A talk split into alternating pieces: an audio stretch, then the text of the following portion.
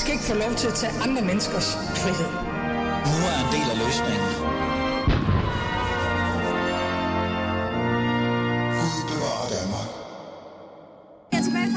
Altså det her har været min drøm. Altid. Det at få lov til at gøre en forskel er ubetinget det, jeg allerhelst vil. Så kom den dag, som der har været rygter og korridorsnak om i. Og så har vi Isabella Arndt her fra Kristendemokraterne. Hun er næstformand, fordi Stig Grenov han også er blevet dårlig. Jeg håber på en lang karriere i dansk politik, og jeg kunne godt tænke mig, at der var en planet at have en karriere på. Og høre til dig. Jeg har en oplevelse af, at jeg hører til herinde. Jeg tror, jeg kunne trives med at være sådan et sted. Velkommen til, spilleren. Tak skal du have. Jeg kan lige så godt bare sige pænt goddag til dig. Ja. Fordi du er jo dagens gæst i, i Alis Fæderland i dag, og det er jo faktisk dig, det, det hele handler om i virkeligheden. Øhm, fra vikaren fra himlen til nu er det slut. Øh, det er i hvert fald en udvikling, øh, få kunne se komme. I hvert fald en udvikling, der er svært for mig at se at komme.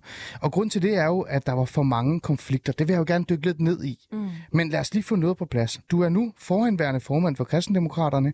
I går valgte du ikke bare at trække dig fra posten som formand. Du har faktisk også valgt at melde dig ud af partiet. Ja. Øhm, Isabel Arndt, hvordan har du det lige nu? Lige nu har jeg det øh, syret. Nu kender vi hinanden, så, så det bliver lidt venskabeligt, ikke? Men, men jeg synes, det, jeg har det godt, vil jeg, vil jeg starte med at sige. Altså, det har jeg. Det, er en, det har været en virkelig svær beslutning. Øh, også lidt rør, når jeg hører de der klip, du spiller sådan fra valgaftenen og fra, fra tiden der og sådan noget. Altså, øh, det er jo mega... Jeg har jo været, hvad skal man sige, jeg har jo været gift med KD i, i 12 år. Jeg meldte mig ind som pur ung 16-årig teenager, og øh, det har jo været... Altså, jeg har vokset op i KD. Det har været hele mit voksne liv at kæmpe for, at KD skulle på Christiansborg. Så selvfølgelig har det været en sindssygt svær beslutning, og derfor jo også en, jeg har tumlet med i meget, meget lang tid. Men nu hvor den er truffen, øh, føles det rigtigt. Altså det føles for mig rigtigt. Det er det rigtige skridt nu. Jeg ved ikke, hvad det næste skridt er, mm. øh, hvilket også er sådan sindssygt angstprovokerende for sådan en som mig, der altid har, har planlagt mit liv i... Altså, min bryllupsplanlægning var et Gantt-chart, ikke? Altså, ja. øh, så, så det er, øh, det er virkelig, virkelig øh, nyt, men, øh, men det skal nok blive godt. Okay. Du er jo som sagt min gæst her i Fæderlandet den i hvert fald teams, den næste times tid, og vi skal øh, tale om både de her, altså selve årsagen til dit valg, men også selvfølgelig i forhold til din fremtid. Du kom lidt selv ind på det, det bliver vi jo lidt nødt til. Øh, men lad mig lige øh, bare lige sige højt til, øh, til dem, der lytter med. I er jo som altid velkommen til at skrive ind øh, til Alice Fæderland. Det gør I jo, ligesom I altid også gør, på 92 45 99 45. Eller også så kan I gå ind på Alice øh, Fæderlands side og så skrive en kommentar under det opslag, der er lavet omkring, øh, at Isabel Arndt reelt er i studiet med mig i en time. Og så skal jeg nok sørge for at tage jeres øh, hvad hedder det, beskeder og jeres øh, kommentarer op. Jeg har allerede fundet et par stykker, jeg tager med i programmet. Men Isabel Arndt, vi skal tale her den næste stykke tid, øh, en times tid hedder det, for lige at finde ud af, hvor står du egentlig henne, og hvad er der, der er sket. Skal vi ikke bare komme i gang med det? Jo, lad os det.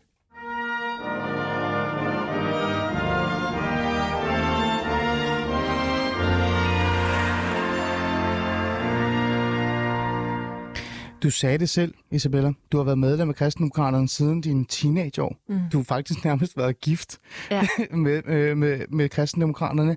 Du var bare lige, lad os lige tage det med, du var socialdemokrat til at starte med. Ja. Men det er du ikke nu, og Nej. det har du ikke været længe. Nej. Du blev nærmest gift med øh, Kristendemokraterne. Øhm, vi skal faktisk helt tilbage til dit folketingskandidatur i, jeg tror det er jo 2011, det er i hvert fald det, vi har undersøgt os frem til. Mm-hmm. Øhm, og du har altid troet på partiet og, og på den her sag i rigtig mange år. Ja. Jeg vil gerne tilbage til det her klip. Jeg spurgte dig, kan du huske, hvornår det klippet var? Øh, det første klip, hvor du siger, nu sker det. Hvornår var det? Øh, åh, det er et godt spørgsmål. Det har været i valgkampen 19, mm. øh, hvor øh, TV2 Eko lavede sådan en dokumentar, og vi sad og snakkede om, at det kan blive, øh, det kan blive rigtig vildt. Mm. Og kan du huske det øjeblik? Altså, du var sådan, det, du var fyldt med begejstring. Mm. I var på grænsen til at komme ind. Ja. Jeg tror, det er sådan noget med, at der var, der var nogle få stemmer i Vestjylland, eller et eller Ja, andet præcis. skørt, der gjorde, at I reelt ikke kom ind. Den der følelse, du havde der, den der idé om, at her hører du til, det er også mm. det, du siger på Christiansborg. Ja. Du hører til i kristendemokraterne. Du er deres leder. Du hører til på Christiansborg, fordi du brænder for det her. Mm. Men det er jo slut nu. For nuværende i hvert fald. Altså, jeg brænder jo stadigvæk for de her værdier, og det er jo også det, der har gjort min beslutning så vanvittigt svær. Det er, at jeg synes jo, værdierne er rigtige. Altså, jeg er jo ikke blevet mindre klimaaktivist siden i forgårs. Jeg er jo ikke blevet mindre kæmper for et børnevenligt Danmark. Et Danmark med åndsfrihed, foreningsfrihed, friskoler, alle de der ting. øh, bedre psykiatri og handicap osv., osv., er jo sindssygt vigtigt stadigvæk. Altså, mm. det er jo ikke, jeg er jo ikke blevet ligeglad hen over et døgn. Nej, nej, nej, men, men det, og det ved jeg også godt. Men, men det, der bare var det for mig, det er så at sige, jamen jeg, altså, og det er det, der har gjort beslutningen så sindssygt svær, ikke? det er, at Mm. jeg synes, sagen var værd at kæmpe for. Hvad skal man sige, miljøet var ikke værd at kæmpe i.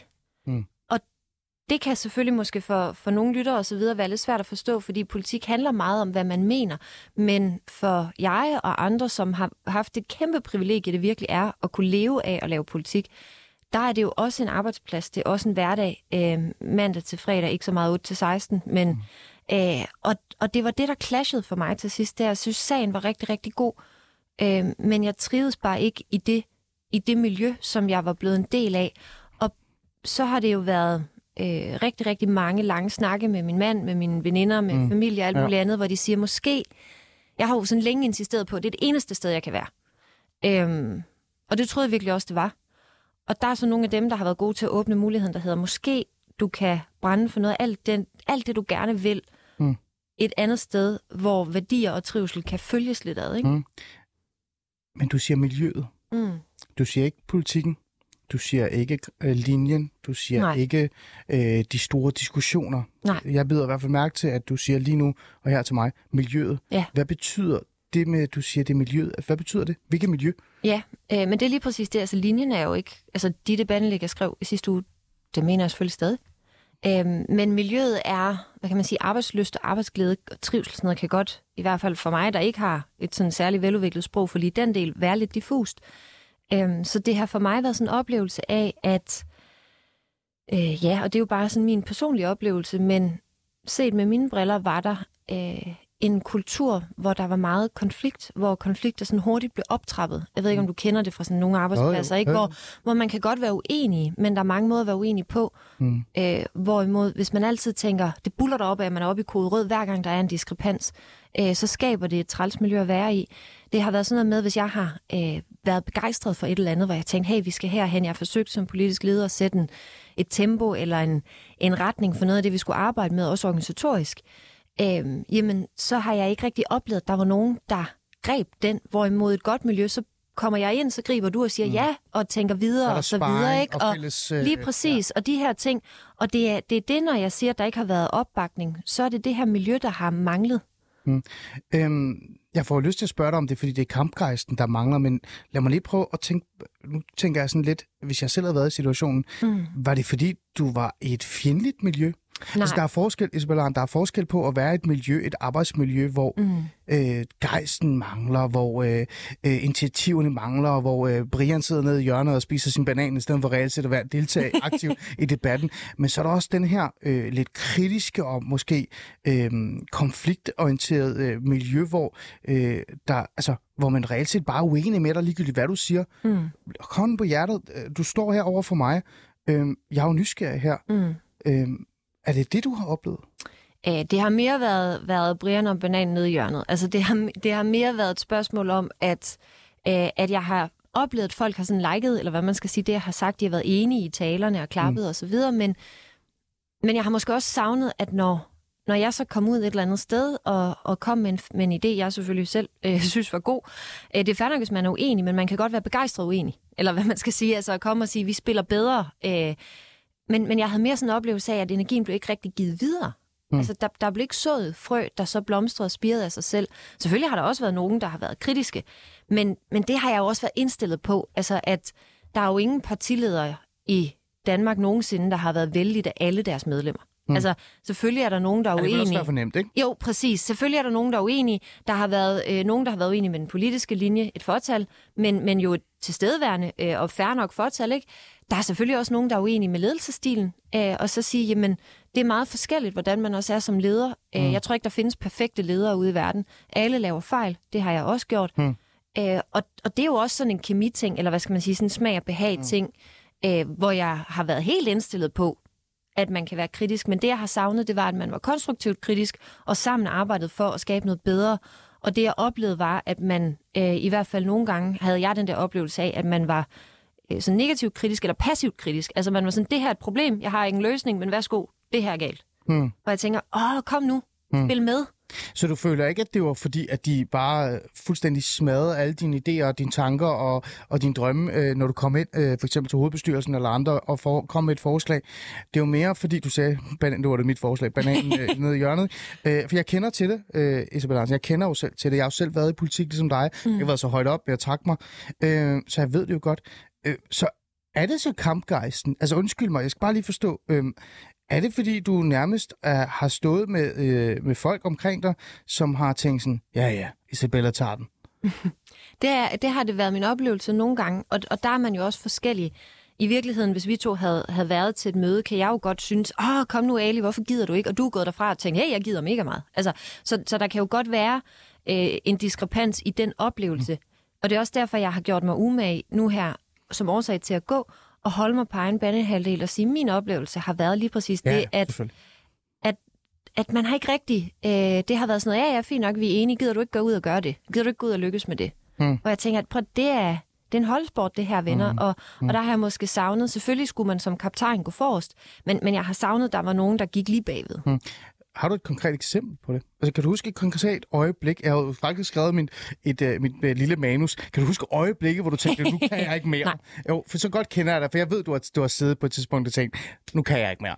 Det ved jeg, Isabella, du har øh... haft. Men, men kan du huske et konkret uh, øjeblik, et eksempel, hvor du er gået ind, kommet med en idé, kommet med en tanke, og så er alle bare kigget på dig og sagt, ja, ja, den bare? Øh, jamen, man kan sige, det der jo er det spejlet lidt ved den her sag, det er, at mange af de samtaler, jeg har haft, har været på lukkede møder, og, og dem kommer selvfølgelig ikke til at redegøre for i radioen. Men der har ikke været sådan et øjeblik. Altså, fordi jeg er virkelig, virkelig brændt for det her projekt så længe, og det har været en væsentlig del af min identitet. Øh, så det er jo kommet snigende, og jeg kan huske, at i starten var det sådan en oplevelse af, at det her det er nok sådan en enkelt ting. Det går over. Mm. Eller sådan, det kommer ikke igen. Og så kom der lidt mere. Og det tror jeg også, der er mange, der godt kan genkende. Altså, at altså, så tænker man, ham lige på mandag med, eller lige, lige den næste kunde. eller, uge. Ja, det var lige en dårlig uge, det vender lige om lidt. Eller jeg tror, der er mange arbejdspladser rundt omkring, hvor, hvor man tænker, hvis man er pædagog for eksempel, okay, vi tager lige sommerferien med, så, så kommer der den, og, altså, og, og man kan blive ved med at stå og sige, lige det næste, lige lige om lidt. Okay. Og, og så der var ikke sådan en dag, hvor jeg tænkte, hmm. nu er det nok det er bare svært for mig at forestille mig, for så godt kender jeg dig også. Og nu tror folk, at vi kender dig privat. Det gør Vi kender jo ikke hinanden privat. Det er jo ikke, fordi jeg har været hjemme hos dig til, til middag. Det er også lidt chokeret, at jeg ikke har. Det er en anden ja, snak. det er også for dårligt. men, men jeg kender dig godt nok til, kvæg, at vi begge to var kandidater i, i Østjylland, og vi var op og ned af hinanden på grund af mm. mange debatter, og vi har også nogle, nogle af de samme værdier også. Øhm, derfor så kan jeg heller ikke bare lade være med at tænke, Isabel Arndt, selvfølgelig er du en person, der har stået og sagt, her i dag, nu kan jeg ikke mere hånd på hjertet, kan du huske det øjeblik? Kan du huske? Men der har ikke været, altså der har ikke været et øjeblik, hvor jeg okay. siger, nu kan jeg ikke mere. Fordi jeg har været så splittet med mig selv, og, og på den ene side haft trivslen, og på den anden side haft øh, sådan også sådan en pligtfornemmelse af, at jeg skulle kæmpe for det her, jeg skulle lykkes med det her. Mm. Øhm, og så har jeg faktisk også i lang tid haft rigtig svært ved at se, at jeg kunne andet. Mm. Altså for mig har det været, det har været sådan en lille bitte jeg gestikulerer i radioen. Det er ja. dårlig stil. Undskyld, lytter. Men, nej, nej. men, men det er... Øh, altså, det har været sådan, du ved, et meget, meget smalt fokus hele tiden på, det er det her, jeg skulle. Det var det eneste, jeg kunne se, jeg skulle bruge mit liv på. Og der har det været især min, min mand og, og min familie og sådan noget, som har været gode til at prøve lige at, at kigge den der dør, altså kigge den lidt længere op og sige, hvad nu, hvis der er mere end én mulighed for dig for resten af dit liv? Altså, hvad nu, hvis fremtiden har andet at byde på? Ja. Og det havde jeg bare enormt svært ved overhovedet at se, og derfor så var den her konflikt inde i mig mellem øh, pligt på den ene side og trivsel på den anden side. Mm. Øh, til TV2, der siger du i hvert fald øh, følgende i forhold til dit øh, grund for at forlade partiet. Øh, det er summen af mange faktorer, der over tid blev til mistrivsel og slitage. Mm. Øhm, vi har været lidt inde på de her faktorer. Du nævner det her med, at det er folk, der ikke uh, griber fat uh, og hjælper til, eller støtter op omkring det, eller tager noget initiativ. Der er ikke nogen at spare med og sådan noget. Men, men uh, Isabella, um, ord som mistrivsel og slitage mm. i mine ører med min socialrådgiver baggrund, det er jo ikke noget, der bare kommer, fordi der er nogen, man savner at spare med øh, og så videre. Det er, jo, det, er jo nogle, det er jo nogle store ord at bruge, mm. og jeg mm. kender, og jeg ved, du godt ved, hvad det er for nogle ord. Øhm, øh, det her, altså, der må være noget med det her mistrivsel. Hvad mener du reelt med mistrivselen? Jamen, det jeg i hvert fald øh, oplevede selv, øh, det var, at jeg følte mig øh, til tider lidt alene netop fordi, at der ikke lige blev driblet videre øh, på det, som, som jeg havde lyst til, og det jeg gerne ville, og det jeg synes KD kunne blive. Øhm, og for mig kom det i hvert fald til udtryk sådan i, at man kan sige, man står op, og man går på arbejde, øh, og det havde jeg også gjort, men jeg kunne bare mærke, og det er igen sådan noget, som andre nogle gange bedre kan se på en, at øh, hvor jeg måske tidligere læste mange bøger, eller godt kunne lide at tegne eller male, eller på en eller anden måde noget kreativt. Når jeg kom hjem fra arbejde, jeg orkede det ikke. Altså, mm. der var ikke mere kreativ energi. Der var den der, noget af den der gejst var bare sådan blevet kvalt, når man tilpas mange gange sådan har den der fornemmelse af, åh, oh, Brian med bananen, nu bliver vi i det billede, du har lavet, ikke? Men altså... Jeg er god til at lave øh, det ja. Du, ja, nu kører vi videre med Brian, ikke? Men, øh, men hvis man bare igen og igen kommer hen til Brian, og bare sådan, øh, på et tidspunkt gider man ikke rigtig mere, vel? Altså, og, mm. og på den anden side har jeg jo virkelig haft lyst. Øh, så det er også fordi, jeg kunne mærke, at, at kreativiteten forsvandt fra fritiden, når mm. jeg sad med... Øh, og det er også det med slitage og mistrivsel og sådan noget, når jeg sad ja. med... Det må du kunne genkende også som socialrådgiver, det jeg siger nu. I familie, tam-tam, fødselsdag, du ved, alt ja. sådan noget hejs, ja. ikke? Hvor hvor normalt snakker jeg en del, bidrager i debatterne øh, og så videre. Lige pludselig så sad jeg bare stille, og min svår kunne komme hen og sige til mig sådan, okay, du har ikke sagt noget i en time til det her mm. samtaleemne. Hvor, hvor er hvor du henne? Ikke? Er altså... Men er det fordi, er det, er, er det så fordi, øh, at kristendemokraterne er et hårdt sted at være? Øh, ikke nødvendigvis sådan at sige, at KD er et hårdt sted at være, men for mig med det menneske, jeg er, øh, var det her til sidst ikke et godt sted at være. Mm. Øhm, Isabella, jeg bliver nødt til at, at sige det her højt, fordi øh, jeg står her selv og tænker på det, selvom jeg ikke burde tænke på det. Det kan også lyde lidt som, som klønk. Undskyld, jeg siger det. Øh, partiformand er altså ikke nemt. Det er altså ikke nemt at være partiformand. Nej. Det er ikke nemt at være spids. Det er ikke nemt at være den person, der skal stå til ansvar for alt. Og vi kommer ind på nogle af de ting, du skulle stå til ansvar for, på grund af andre i virkeligheden også. Øh, så det er hårdt. Du mm. valgte selv at stille dig op og være partiformand. Vi hørte, hvor meget du brændte for det til at starte med. Øh, er det her, undskyld mig, en lille smule øh, nogen, der sidder der og tænker, ej, hun klynker bare, fordi hun synes, det er for hårdt? Eller som du siger, øh, var det et hårdt miljø? Mm. Jeg blev nødt til at spørge Ja, dig, selvfølgelig, det, Nå, men det er fair nok. Altså, det var det, fordi, det var hårdt? Altså, er kristendemokraterne bare lidt sværere, end du havde øh, regnet med, det ville være, selvom du har været der så mange år? Ja, øh, jamen det er flere ting. Øh, to ting især. For det første, det blev det. Altså, det er meget, meget vigtigt for mig at sige, at det her er jo ikke sådan KDR, punktum. Det er jo en subjektiv oplevelse set med mine briller. Plus, at det er jo en udvikling over tid. Altså, mm. for partier, organisationer, alle arbejdspladser osv. forandrer sig. Jeg har også forandret mig. Jeg bilder mig ind, at jeg har udviklet mig de sidste tre år, også som leder og menneske osv., og, og organisationen har udviklet sig og sådan noget. Så, så det er jo, sådan noget er jo aldrig statisk. Men, men for mig blev det øh, mm. et sted, hvor jeg ikke længere trivedes. Det er den ene ting. For det andet, øh, mit ledelsesperspektiv har altid været, at ledelse er en holdsport. Altså, jeg køber simpelthen ikke den der idé om, at man som partileder bare sådan skal, du ved, spænde dig ud af gå for og sætte en retning, og så kunne alle andre, der ikke er enige, og så sådan, kæft retning, nu gør vi den her vej. Altså, vi har, øh, som øh, organisationen er i KD, der har man en formand, to næstformænd, et forretningsudvalgsmøde og sådan noget, som, som gør, at jeg har det sagde jeg allerede øh, dengang, jeg snakkede med Marianne og Nils, mine to næstformænd, tilbage ja. i 19, ikke? Ja. At, at, og to, altså snakkede meget seriøst med dem, og så sige, venner, det her er ikke noget, jeg gør selv. Mm. Altså, ledelse, god ledelse, set med mine øjne, er øh, team, god ledelse, er en holdsport. Der er ingen mennesker, der er dygtige ledere alene. Mm. Fordi alle mennesker har fejl, alle mennesker har blinde vinkler, det har jeg også. Og derfor var det vigtigt, at man har et hold omkring sig, som kan supplere med nogle af de elementer, som jeg ikke selv er god til. Mm. Øh, så, så man kan sige, selvfølgelig er det hårdt at være partileder, men det er også, jeg synes jo, at debatter er sjovt. Altså, jeg synes jo, øh, respektfuld uenighed er spændende. Det er noget, man bliver klogere af, det er noget, man bliver udfordret af. Jeg kan sagtens tage, jeg aldrig, har aldrig været konfliktsky, altså, så jeg, mm. kan, jeg kan sagtens tage en konfrontation og så videre. Det, der har manglet, det er, at at selvfølgelig kan det være hårdt, det må det gerne være, lang arbejdsdag, tidlig morgen og sen aften osv., men det skal også være sjovt. Og der tror jeg sådan set, at jeg også gerne vil ud med det budskab nu og sige, det er et rimeligt vilkår at stille til sin arbejdsgiver, uanset om man er, nu har jeg ikke nogen arbejdsgiver som partileder, men altså, det, det er sådan set et rimeligt vilkår at stille alle steder, fordi jeg tror, vi har rigtig mange organisationer rundt omkring, øh, som socialrådgiver eller andre kan genkende til, når de får folk ind, ikke? Som får at vide det her, prøv her, når der kommer en medarbejder og siger til sin mus, jeg, jeg trives simpelthen ikke, arbejdsløsten er væk. Og så tror jeg, der er for mange steder, hvor man siger, nu tager du dig lige sammen, eller det skal nok gå, eller så videre. Ikke? Og, mm. og det er jo også mit budskab på en eller anden måde ud i det, at sige, det kunne klæde os som menneskerace i al almindelighed, og, og danskere og så videre, at tage medarbejdertrivsel mere alvorligt. Mm. Ja, og det er jo altid stort, Isabella. Det, når du begynder at udtale om sådan nogle ting, så bliver jeg sådan lidt, og nu kommer der en masse visioner og, og, og, og drømme og sådan nogle ting, og det har du fuldstændig ret i. Og, ja, selvfølgelig. Men det her, det, jeg bliver jo nødt til at holde fast i det her konkrete, som er, at du øh, var partiformand for Kristendemokraterne. Jeg har haft dig i studiet. Mm-hmm. Grunden til, at jeg har haft dig i studiet, øh, og, og vi har aftalt, at du skal komme i studiet øh, mere og mere, det er jo fordi, at du nærmest har været det her sådan, øh, mindre håb for det borgerlige Danmark, som har stået for nogle af de der borgerlige værdier, mange af de andre nærmest nogle gange, kan man sige, har glemt. Ikke? Så det handler om skattelettelser, mens Isabella Arndt har stået og snakket om familieværdier ikke? og kultur osv. osv. Du har jo båret det her parti frem ja. i virkeligheden i meningsmålene netop på grund af det her. Kristendemokraterne er gået frem. Lad os nu bare være fair. Det, det er jo de. rigtigt. Æ, men du er ikke blevet løftet på samme måde øh, af dine partifælder. Det må jo være det, der er mm. i det. Æ, hvordan har du det egentlig med det? Kristendemokraterne går frem.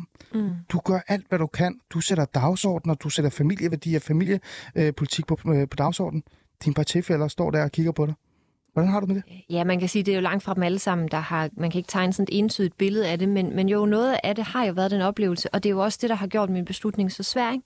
Mm. Fordi der er også nogen, der sådan, jo, men man kunne bedre, der, der siger, hey, vi lå til 2,4 i opinion, og I var lige ved næsten, og hvorfor nu? Altså, hvor, hvor jeg siger, jamen Præcis. det er jo netop fordi, jeg ikke forlader det, fordi jeg ikke tror på projektet. Jeg forlader det ikke, fordi jeg er uenig i politikken. Det er ikke, fordi det er en eller anden synkende skude, som, som man ikke ser nogen fremtid i. Tværtimod. Mm. Altså, så var der faktisk mere fremtidssyn øh, den seneste tre år, der har været i meget, meget lang tid. Det har der. Øh, så, så det er på ingen måde en synkende skude, jeg øh, forlader eller, eller efterlader til partiet nu. Øh, det, det er simpelthen det, der også gjorde det så svært for mig, fordi jeg har også mega mange gange haft den samtale, både med mig selv og med, med min mand og veninder og sådan noget, at man bare lige efter næste valg, så kommer KD sandsynligvis i Folketinget, så bliver det bedre, så, og så videre. Og der kunne jeg bare mærke nu her, jamen der kan også være et år til næste valg. Altså, der kan være lang tid. Har jeg tænkt mig at mistrives på mit arbejde i et år for mm. at opnå det her? Og der gjorde jeg bare op med mig selv, at jamen, der findes masser af prestige og status og valgresultater ude i verden, men der er ikke noget af det, der må blive vigtigere, end at man grundlæggende som menneske har det godt. Øh, og derfor har jeg, har jeg simpelthen valgt det her, selvom at det sådan er lige på tærsklen til det, måske alle andre ville kalde succes. Hmm. Altså, du har jo gjort det godt. Du har jo løftet på tid. Og, øh, og det har vi også talt om øh, en del gange. Øh, men nu siger du til mig, du står her og siger til mig, du har ikke fået noget hjælp, du har ikke fået den støtte, du har manglet, du har, det har gået ud over din, øh, din arbejdsglæde, det er gået ud over, øh, altså det er faktisk gået ud over det så meget, at du mistrives på din arbejdsplads, mm. og ikke vil være der, og du taler om det som en arbejdsplads. Mm. Så lad mig bare holde fast i den, øh, på den måde. Ja. Øhm, man kunne jo godt være lidt fræk at sige, uh, Isabella du er lidt bitter. Nej, jeg er ikke bitter. Er du og, sikker? Ja, helt sikkert. Men det er jeg virkelig ikke. Øhm, to ting. Et, jeg er ikke ved at tegne et generelt billede af KD. Det kan man ikke. KD er en meget, meget divers organisation. Men du taler om så dit arbejdsmiljø. Jeg taler om mit arbejdsmiljø, men det er ikke, der er ikke de nogen, der... omkring dig, dem Præcis, du arbejder med men, men det er ikke entydigt. Altså for eksempel, nej, nej, nej, det siger, jeg der siger, sidder 30 mand i MK, i, i hovedbestyrelsen sidder 30 mennesker i hovedbestyrelsen, og, ja. og dem kan man jo ikke gå ud og sige, hovedbestyrelsen er sådan her, eller hovedbestyrelsen har ikke bakket op. Altså det, det er alt, alt for forsimplet. Øh, så det har jo været sådan en sum af, at jeg synes, den manglende opbakning, jeg savnede, vejede simpelthen tungere i min generelle oplevelse, end, øh, end den opbakning, som bestemt også var til stede. Og det er jo det, der mm. gør det mega komplekst. Men jeg er ikke bitter. Øh, det er jeg altså simpelthen i det hele taget sådan ikke rigtig som menneske. Og der er mange, der har, har spurgt os den seneste tid, når man skal du så ikke sådan hjem, du ved, og, og tænke over, hvem sagde hvad, hvornår, og hvad kunne man have gjort anderledes på det møde, og sådan noget. Og og, og det gør jeg bare ikke. Altså, jeg er simpelthen ikke typen, der bruger ret meget tid på, hvad der er sket. Jeg er typen, der sådan rigtig meget starter hver morgen, til, og det er der også øh, er til folk i partiet, der har været lidt frustreret over, når de gerne sådan ligesom har vildt. Øh, jeg har øvet mig i at blive god til at evaluere. Altså, det mm. har jeg virkelig skulle lære, fordi jeg har mere været typen, der sådan evaluerede super kort, så øh, satte en streg og så sagde, okay, nu øh, kigger vi fremad. Hvad skal der? Altså, jeg har altid været fra i dag og frem, mm. og det bliver jeg jo ved med at være. Mm. Øhm, Isabella Arndt, øh, påtog du dig påtog, dig, øh, påtog du dig en, et formandskab, et job, lad os bare holde os til det, fordi det er den bare, du gerne vil øh, mm. i den her samtale, som du faktisk ikke burde have gjort, fordi du ikke øh, kunne håndtere det. Nej, det synes jeg ikke. Øh, og jeg synes også, at det er vigtigt for mig at slå fast, at den udvikling, jeg har oplevet den seneste tid, har jo ikke været de seneste tre år. Nej. Altså, der er jo ikke nogen, der skal være et job, de mistrives i i tre år. Så dengang jeg sagde ja, var øh, udviklingen også en anden. Der var oplevelsen også en anden. Det, der har været udslagsgivende for mig, og nu var der jo ikke sådan en tydelig startdato, men mm, vi, vi taler sådan 19. Nej, vi taler øh, uger, måneder, måske sådan tilbage i, i marts. Okay. Altså, vi, vi er inden for vi er inden for sådan den seneste tid, hvor jeg siger, nu har, nu har det gået fra at være øh, netop, at fordi formandsposten også er et, et, et hårdt job, eller hvad man skal sige, det, der skal man være vant til at kunne navigere i det. Og det har været det værd i meget, meget lang tid. Og det er kun her inden for de sidste ja, par måneder og så videre, hvor, hvor alt det, jeg oplevede, jeg ikke trives med, vejede tungere, og så kombineret med, havde jeg nu vidst, altså det kender du også fra dit arbejde, hvis du får at vide, prøv her, kommer en chef ned til dig og siger, Ali, det her er en lorteopgave, den tager tre måneder, men så låter den slut. Mm. Altså, så vil du sige, okay, fair nok, det, det bliver træls, men det slutter igen til august, eller et eller andet. Ja, ja, ja. Og det kan man sagtens cope med. Det, der jo også var min udfordring, det var, at der var ikke lige nogen deadline. Altså, jeg kunne ikke, jeg kunne ikke se, hvornår øh, den her sammensurium af ting, der gjorde, at jeg ikke rigtig oplevede øh, den begejstring, jeg gerne ville. Jeg kunne læng- ikke længere simpelthen se, hvornår skulle det holde op igen. Altså, mm. det kunne være det kunne være et halvt år fra nu. Det kunne også være fem år fra nu. Okay. Øh, og det var det, der gjorde, at jeg sagde, jamen, så er det måske bedre for mig at finde noget andet, men faktisk også bedre for KD at finde en leder, som, øh, som måske passer bedre ind i kulturen.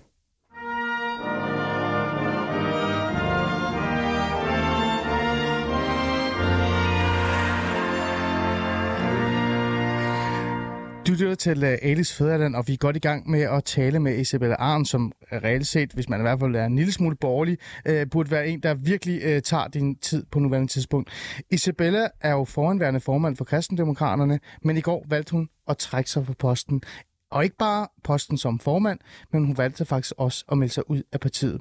Jeg har det sidste halve time, sådan cirka, talt med Isabella om, hvorfor det er, hvad er det, hun har tænkt, og hvordan hulen kom hun frem til den her beslutning, som har overrasket rigtig mange af os. Du står og, og smiler lidt, Isabella, øh, men, men det har jo været, øh, det har været interessant i hvert fald. Lad os sige det på den måde, fordi jeg kan jo mærke på dig, at du gerne vil tale om din, øh, altså, øh, du vil gerne tale øh, med mig om det, som om, altså det er reelt set arbejdspladsen, det er mistrivselen på arbejde, det er dine arbejdsopgaver og sådan nogle ting. Men man kan jo ikke, man kan jo ikke bare lade være med at sige, der må også være noget politisk, fordi det politiske, de politiske samtaler, de politiske diskussioner, øh, den politiske hverdag, du er jo partiformand tidligere, det har jo også været en del af din arbejds, mm. øh, hvad kan vi sige, øh, hverdag i, i bund og grund. Ja. Øhm, så den første halve time, der var jeg sådan lidt mere nysgerrig omkring, hvordan du har det. Nu vil jeg gerne tale sådan lidt mere om dig omkring, øh, eller med dig omkring det, det politiske, om der har været noget af det, der har gjort, øh, at det har ændret sig. Øh, og kære øh, jer derude, I er jo som altid velkommen til at skrive nogle kommentarer eller nogle spørgsmål, som jeg kan tage op i programmet, og så skal jeg nok øh, sørge for, at vi giver god tid til det. Og jeg vil faktisk øh, her lidt frægt og anderledes øh, tage øh, nogle kommentar op med det samme med dig. Yes. Jeg kan lige få det med, før jeg går videre. Der er en, der har skrevet her, øh, drøn ærgerligt for KD. Fantastisk, at, øh, at andre kunne få glæde af hendes, øh, øh, glæde af hendes evner. Sjældent har jeg oplevet en politiker så autentisk og tro mod sine værdier. Stærk, øh, hun mærker, hvad der er vigtigt for hende, og bevarer sin integri- integritet. Jeg kan ikke sige det. Jeg kan, jeg kan ikke sige ord. Øh, glæder mig til at høre øh, programmet. Tak for det, og tak fordi du kom med, med de spørgsmål. Og det er jo en af de der, øh, grund til at jeg har taget den her, det er, at det er netop den, der går igen og igen og igen. Folk har rigtig meget respekt for dig, Isabel Arn, øh, og er også overrasket over, at du lige pludselig ja. bare trækker dig. Det synes jeg, du skulle have med. Øh, personen er også meget nysgerrig i forhold til, hvor du, hvad du så vil fremadrettet, øh, men det får vi nok svar på. Det, det kan være, at vi får noget svar på det i dag, jeg ved det ikke. Øh, så er der et, et spørgsmål til dig. Hej Ali og Isabella. Hvordan øh, stiller du Isabella dig i forhold til fri abort? Og hvordan vil du synes, hvis den danske abortlovgivning, der er næsten 50 år gammel, blev opdateret og, dansk, øh, og danske kvinder dermed med ligestilling med de svenske kvinder, hvor grænsen går ved u 18? Og grund til at tage det spørgsmål med, det er jo netop det her, præcis det her med det politiske. Ikke? Mm. Du kan ikke svare på det nu. Det bagefter.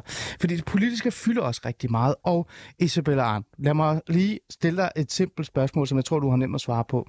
Den seneste stykke tid har politik fyldt rigtig meget. Ikke? Øh, hvis man kigger tilbage til, jeg tror det var før, øh, hvad var det, før jul, vi havde sådan en julespecial, mig og dig, mm.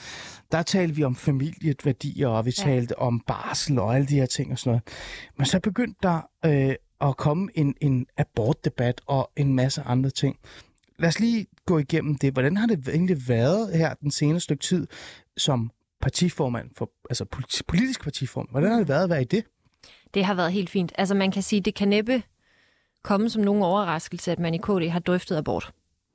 Det gjorde man før jeg meldte mig ind i 2009. Det har man gjort løbende i de 12 år.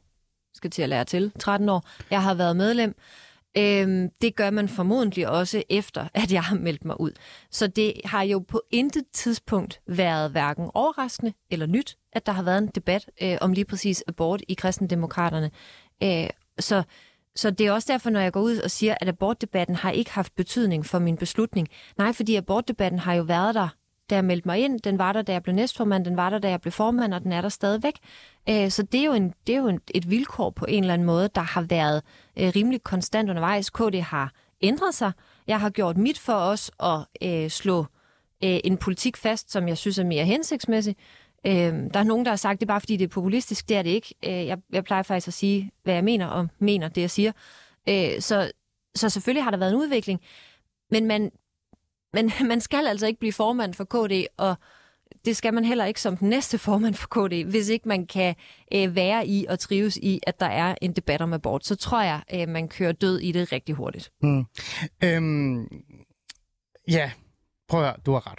Altså, jeg har jo været til debatter med dig, hvor vi talte om, hvis jeg tror, vi skulle snakke om daginstitutioner, hvor nærmest abort dukket op, ikke? Så jo. det, det er rigtigt. Og, og det er bare for at sige, det, det bliver man nødt til at tage med, når man overvejer mm. jobbet. Altså. Men det har jo fyldt meget. Ja. Og, jeg, og nu kommer jeg noget med her øh, for os, der kender politik, det gør du også, Isabella, øh, når et parti er i fremgang, når et parti er på vej hen imod Folketings øh, nærmeste øh, taburetten, mm. øh, så er der nogle af de her skarpe øh, hvad hedder det, debatter og skarpe emner, som man øh, et eller andet sted skal være sådan lidt opmærksom på, hvordan man håndterer dem, og hvor man stiller sig hen. De bliver jo ekstremt vigtige. Ja. Og abort øh, debatten og abortsamtalen er jo ekstremt vigtigt på nuværende tidspunkt, øh, når du kigger på, hvor vi står hen, i hvert fald øh, Danmark i forhold til, øh, til abort. Mm. Øhm, har det været vanskeligt at være øh, i en situation, hvor man godt kan mærke, at nogle øh, kræfter i kristendemokraterne trækker den ene side, hvor man nærmest siger foster, øh, altså drab, ikke? Jo. og den anden er sådan, hey, rolig venner, vi er meget tæt på, og vi har talt om det her. Har det været svært at navigere rundt i det kristendemokrati? Eller Nej, fordi det har jo eksisteret altid. Man kan sige, at KD har ikke gået ind. Det var et sted i nullerne, før jeg blev medlem, at man gik væk fra ideen om at ville forbyde abort. Altså, så al den tid, jeg har været medlem, har dem, der synes, det skulle forbydes, jo været øh, et mindretal. Og de er der jo stadig. Det, der har været min mit fokus og min opgave som partileder har været at forsøge at skabe en rummelig platform, hvor man kan sige, at du kan både sige, at abort er øh, handler kun om kvinders rettigheder, det skal indføres i hele verden, og det skal være lovligt i hele graviditeten, eller hvad man må mene sådan ude på den ene fløj, og den anden fløj, som siger, at det skal forbydes for alle i hele verden. Øhm, ingen af delene øh, er jo et øh, KD's politik i den tid, jeg sad der, men det, der har været mit forsøg, dengang jeg var formand for det, var at sige, i bliver nødt til, vi bliver nødt til at kunne sameksistere. Vi bliver simpelthen nødt til at kunne agree to disagree. Vi bliver nødt til at kunne respektere, at begge øh, har det standpunkt, man måtte have, og det er fair nok. Men så også sige, det er ikke partiets politik, det må I gerne mene, vi har også mange, mange lystige debatter i KD om kernekraft, om EU, om alt muligt andet, ja, hvor jeg har sagt det samme. trækker meget, ikke? Jo, især offentligt. Altså, men, men, som men også en, der... Intern. Nej, jo, det gør det også, men ikke... Altså, kernekraftdebatten var også hæftig. Hmm. Altså, så det er bare for at sige, som en, der, den er bare ikke lige så kontroversiel ude i, i det menige Danmark. Altså, så, Men de kontroversielle debatter er jo farlige. Øh, det er de, og, og de får folk op i det røde felt nogle ja. gange. Og det, der har været mit forsøg, det har været at sige, at vi bliver nødt til at kunne have en lødig debat, også om et kontroversielt spørgsmål, og så nu frem til en fælles beslutning. Her vil jeg i øvrigt gerne lige skud ud til enhedslistens årsmøde, som jo havde... Nej, nej, nej. Vi skal, ikke, vi skal ikke have sådan noget skud til enhedslisten, Isabella. Det, hey! Kom med det. Ja, præcis. Hvis du skal kaste mig som medvært en dag, så skal du fedt lidt nu, Ali. Kom så. Æ, nej, men, men hvor jeg vil sige, den her debat om EU, som jo er noget af det, der er betændt øh, for dem. Ja. Det er mindre kontroversielt hos nogle af os andre, men, men jeg synes bare, de satte et godt eksempel for, hvordan man på en lødig, ordentlig, demokratisk måde kan have et en debat om et svært emne. Og det, der jo så bliver vigtigt nu, det er, at de så har landet en beslutning, Det har de. og at, at folk så forstår debatten om, hvad vi mener er slut. Mm. Det kom jo fra et sted. Det kom jo fra nogen i Præcis. enhedslisten og nogle folketingsmedlemmer, der gerne vil øh, sige, prøv at høre, vi kan ikke ændre øh, på det her, hvis vi står udenfor. Lad os blive i EU, og lad os ændre det øh, indenfra. Mm. Ja. Fantastisk øh, citat, det bliver nødt til at holde fast i øh, for, Ja, ja, det for er en god enhedslisten. Altså. Øh, men det har du jo også oplevet. Ja. Øh, du har været tidligere partifælle med Jens Rode. Ja. som øh, er jeres øh, folketingsmedlem. Og øh, man kunne jo godt sige, at det Jens Rode har forsøgt at gøre over for dig og andre, jeg ved ikke om det er overfor, det kan du hjælpe mig med lige om lidt, det er jo netop at prøve at ændre en, en holdning, eller rykke det hen, hen imod noget andet, ligesom der er sket i enhedslisten. Øhm, nu er du jo ikke øh, medlem af partiet mere.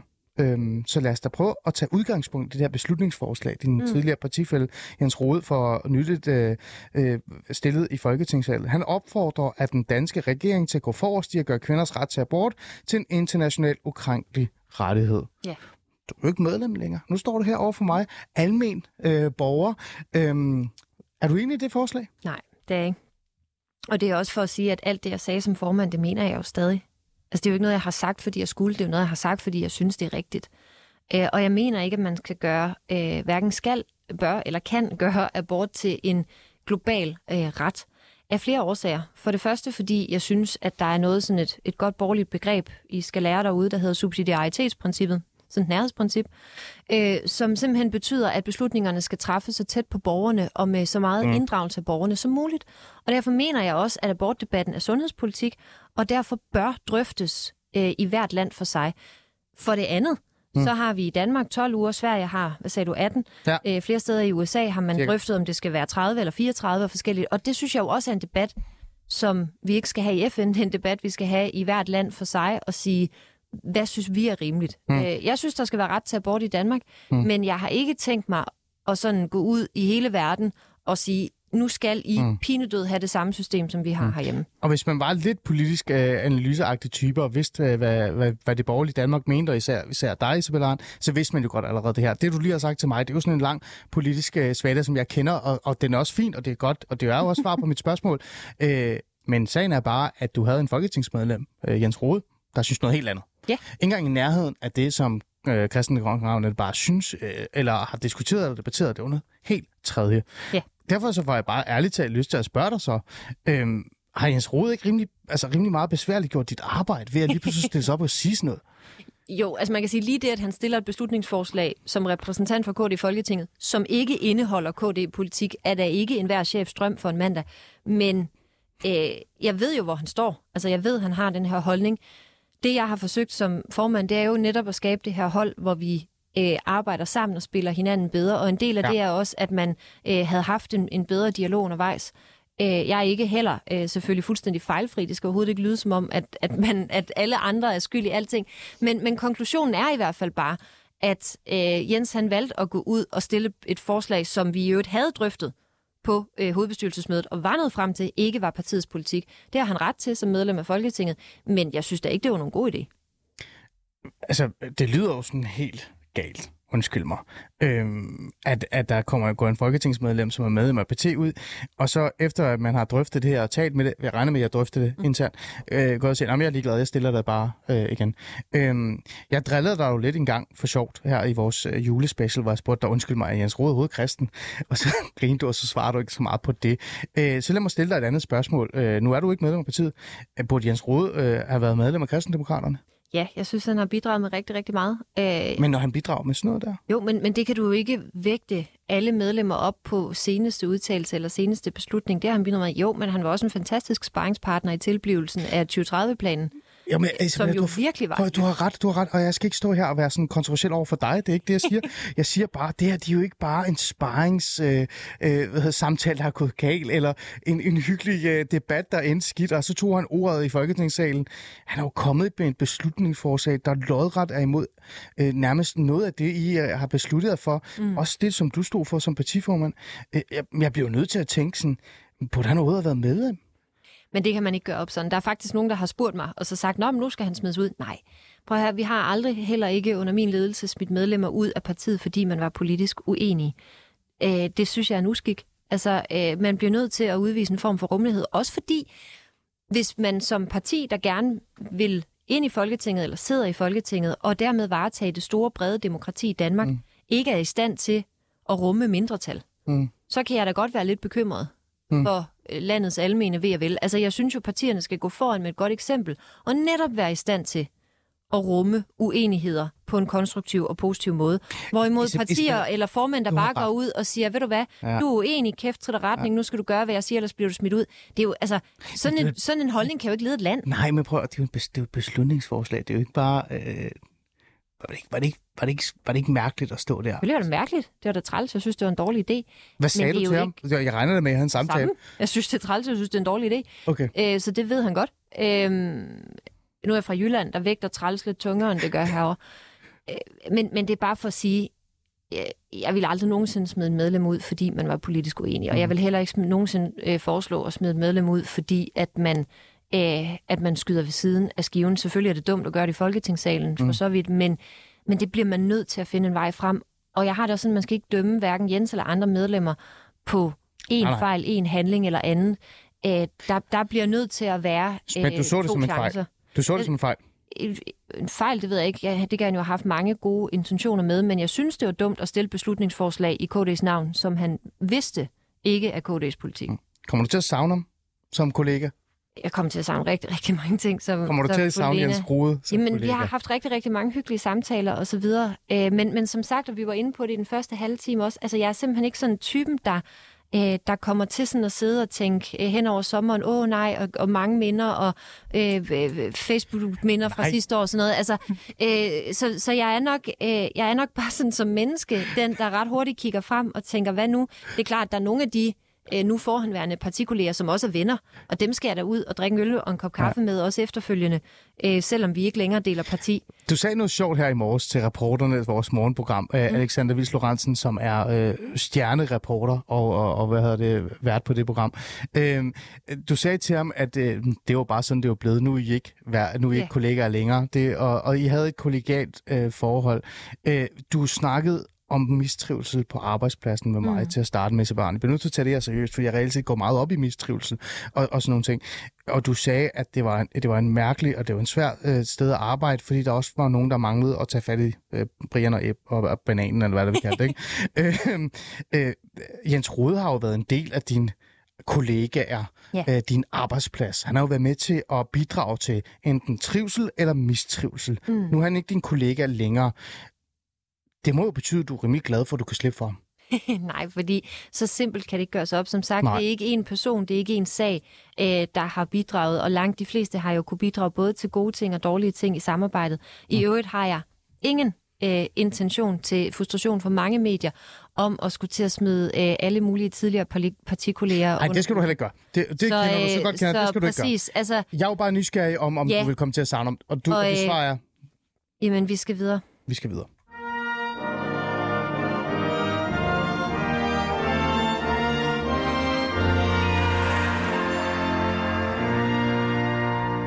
Og vi skal videre, og det er jo nærmest et, et, et, et slogan, du må have fra nu af, Isabella Arndt. Øhm, for vi skal netop tale om, at vi skal videre. Ja. Øhm, der er jo nogen, der står derude og regner med, at øh, lige om lidt, så siger du, jeg er medlem af det her parti. Det, det er som om, du, det, det er ligesom jobskift.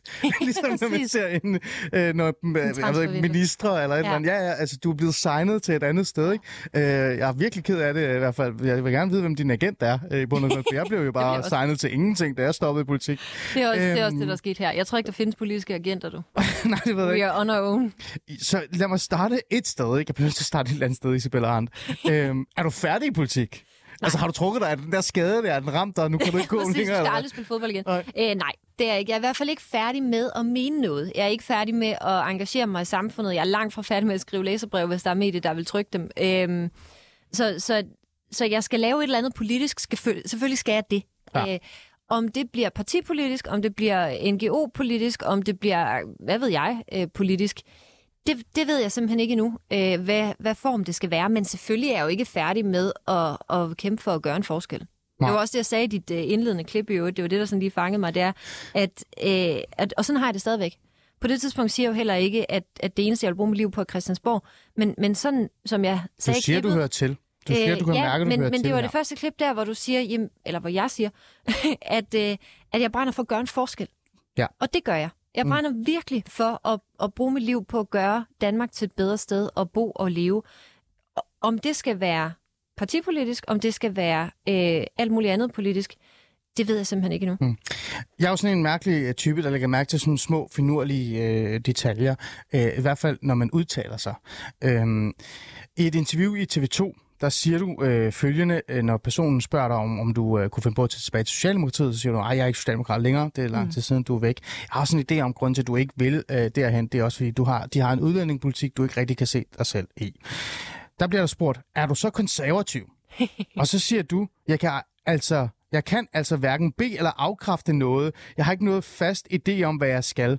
Præcis. Øh, når jeg spørger dig, om du er konservativ, så træng, regner jeg ikke med, at du skal afkræfte, om du er borgerlig eller konservativ. Nej, præcis. i, i, i, Jamen, det er fordi, de jo Er det- spurgte til partiet, ikke? Øhm, Nej, de spørger, om du er konservativ. Ja. Øh, Øhm. jeg, I virkeligheden var det, fordi jeg hørte spørgsmålet som partiet øh, konservativ Så hvis jeg stiller Folkeparti. dig spørgsmålet, er du medlem af Konservativ Folkeparti inden for de næste et eller andet måneder? Øh, er du så, kan, siger du så, at jeg kan altså ikke hverken...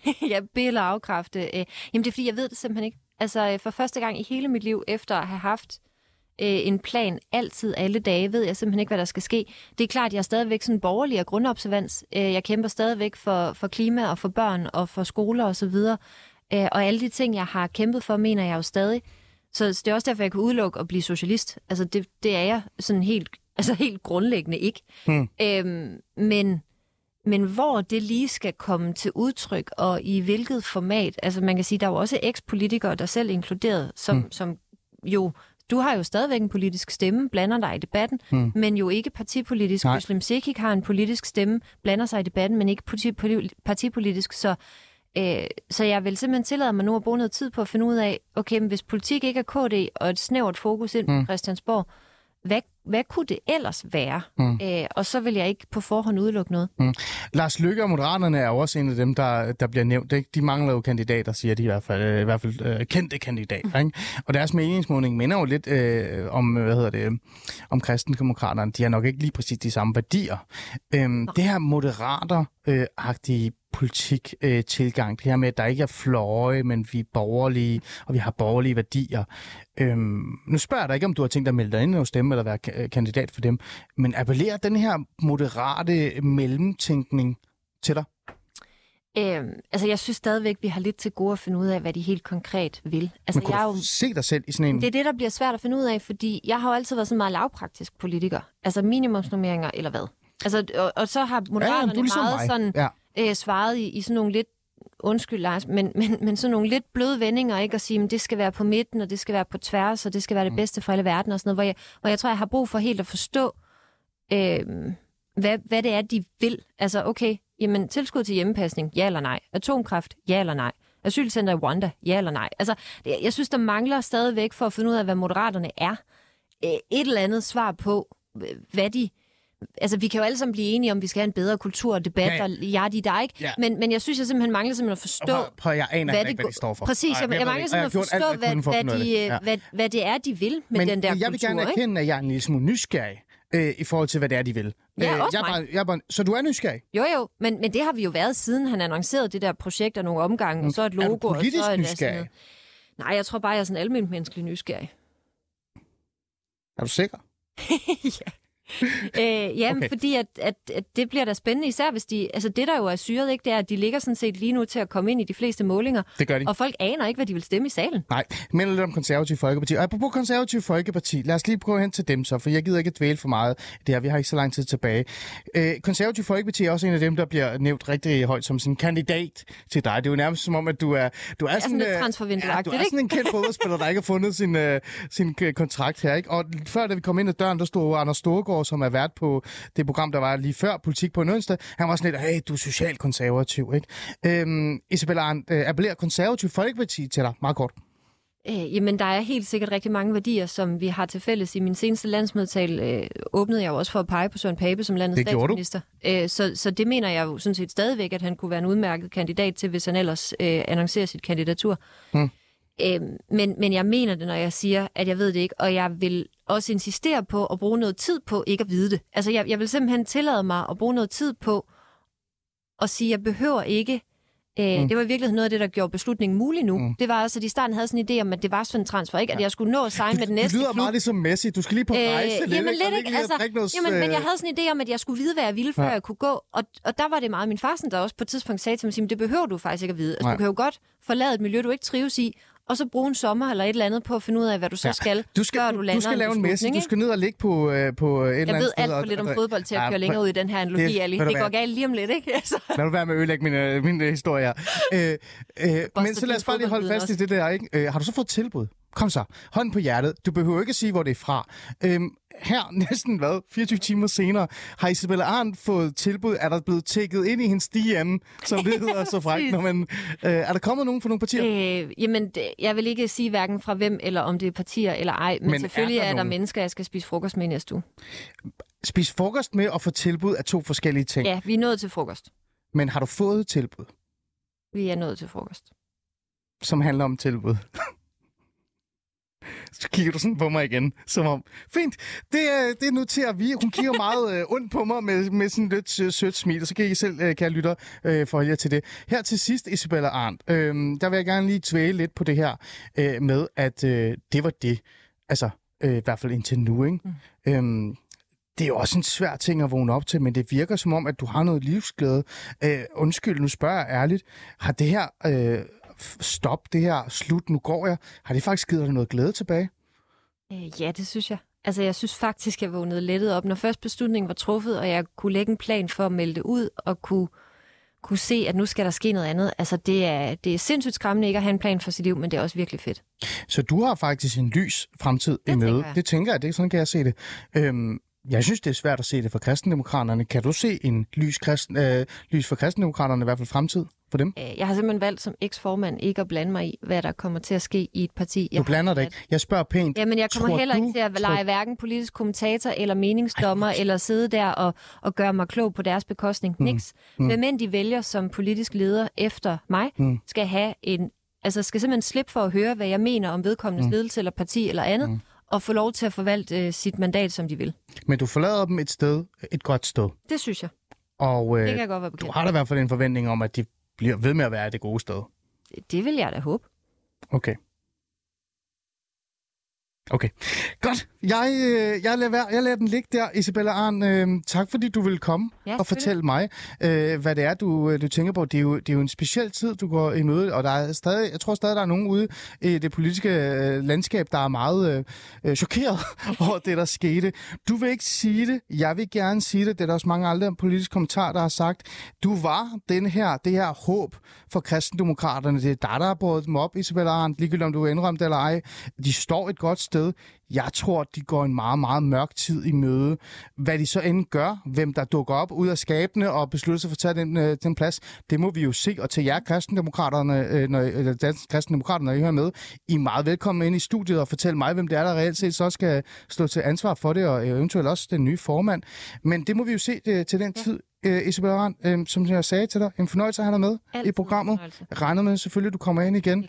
Og jeg regner selvfølgelig også med, at du dukker op her i Alice Fædrene og fortæller mig, hvad det er for et tilbud, du har taget imod, som du ikke vil fortælle mig om i dag. Og til jer lyttere, tak fordi I lyttede øh, med, og selvfølgelig også skrev ind øh, med jeres kommentar. Vi nåede ikke så mange af dem, men vi nåede dem, øh, vi kunne. Og Alexander Vils Lorentzen, ude i regien med dit øh, skønne smil. Tak fordi du sad derude og hang ud lidt med, med mig og hjalp at, at tilrettelægge det her program. Men det var siger jeg bare igen, tak for i dag. Nu er der nyheder.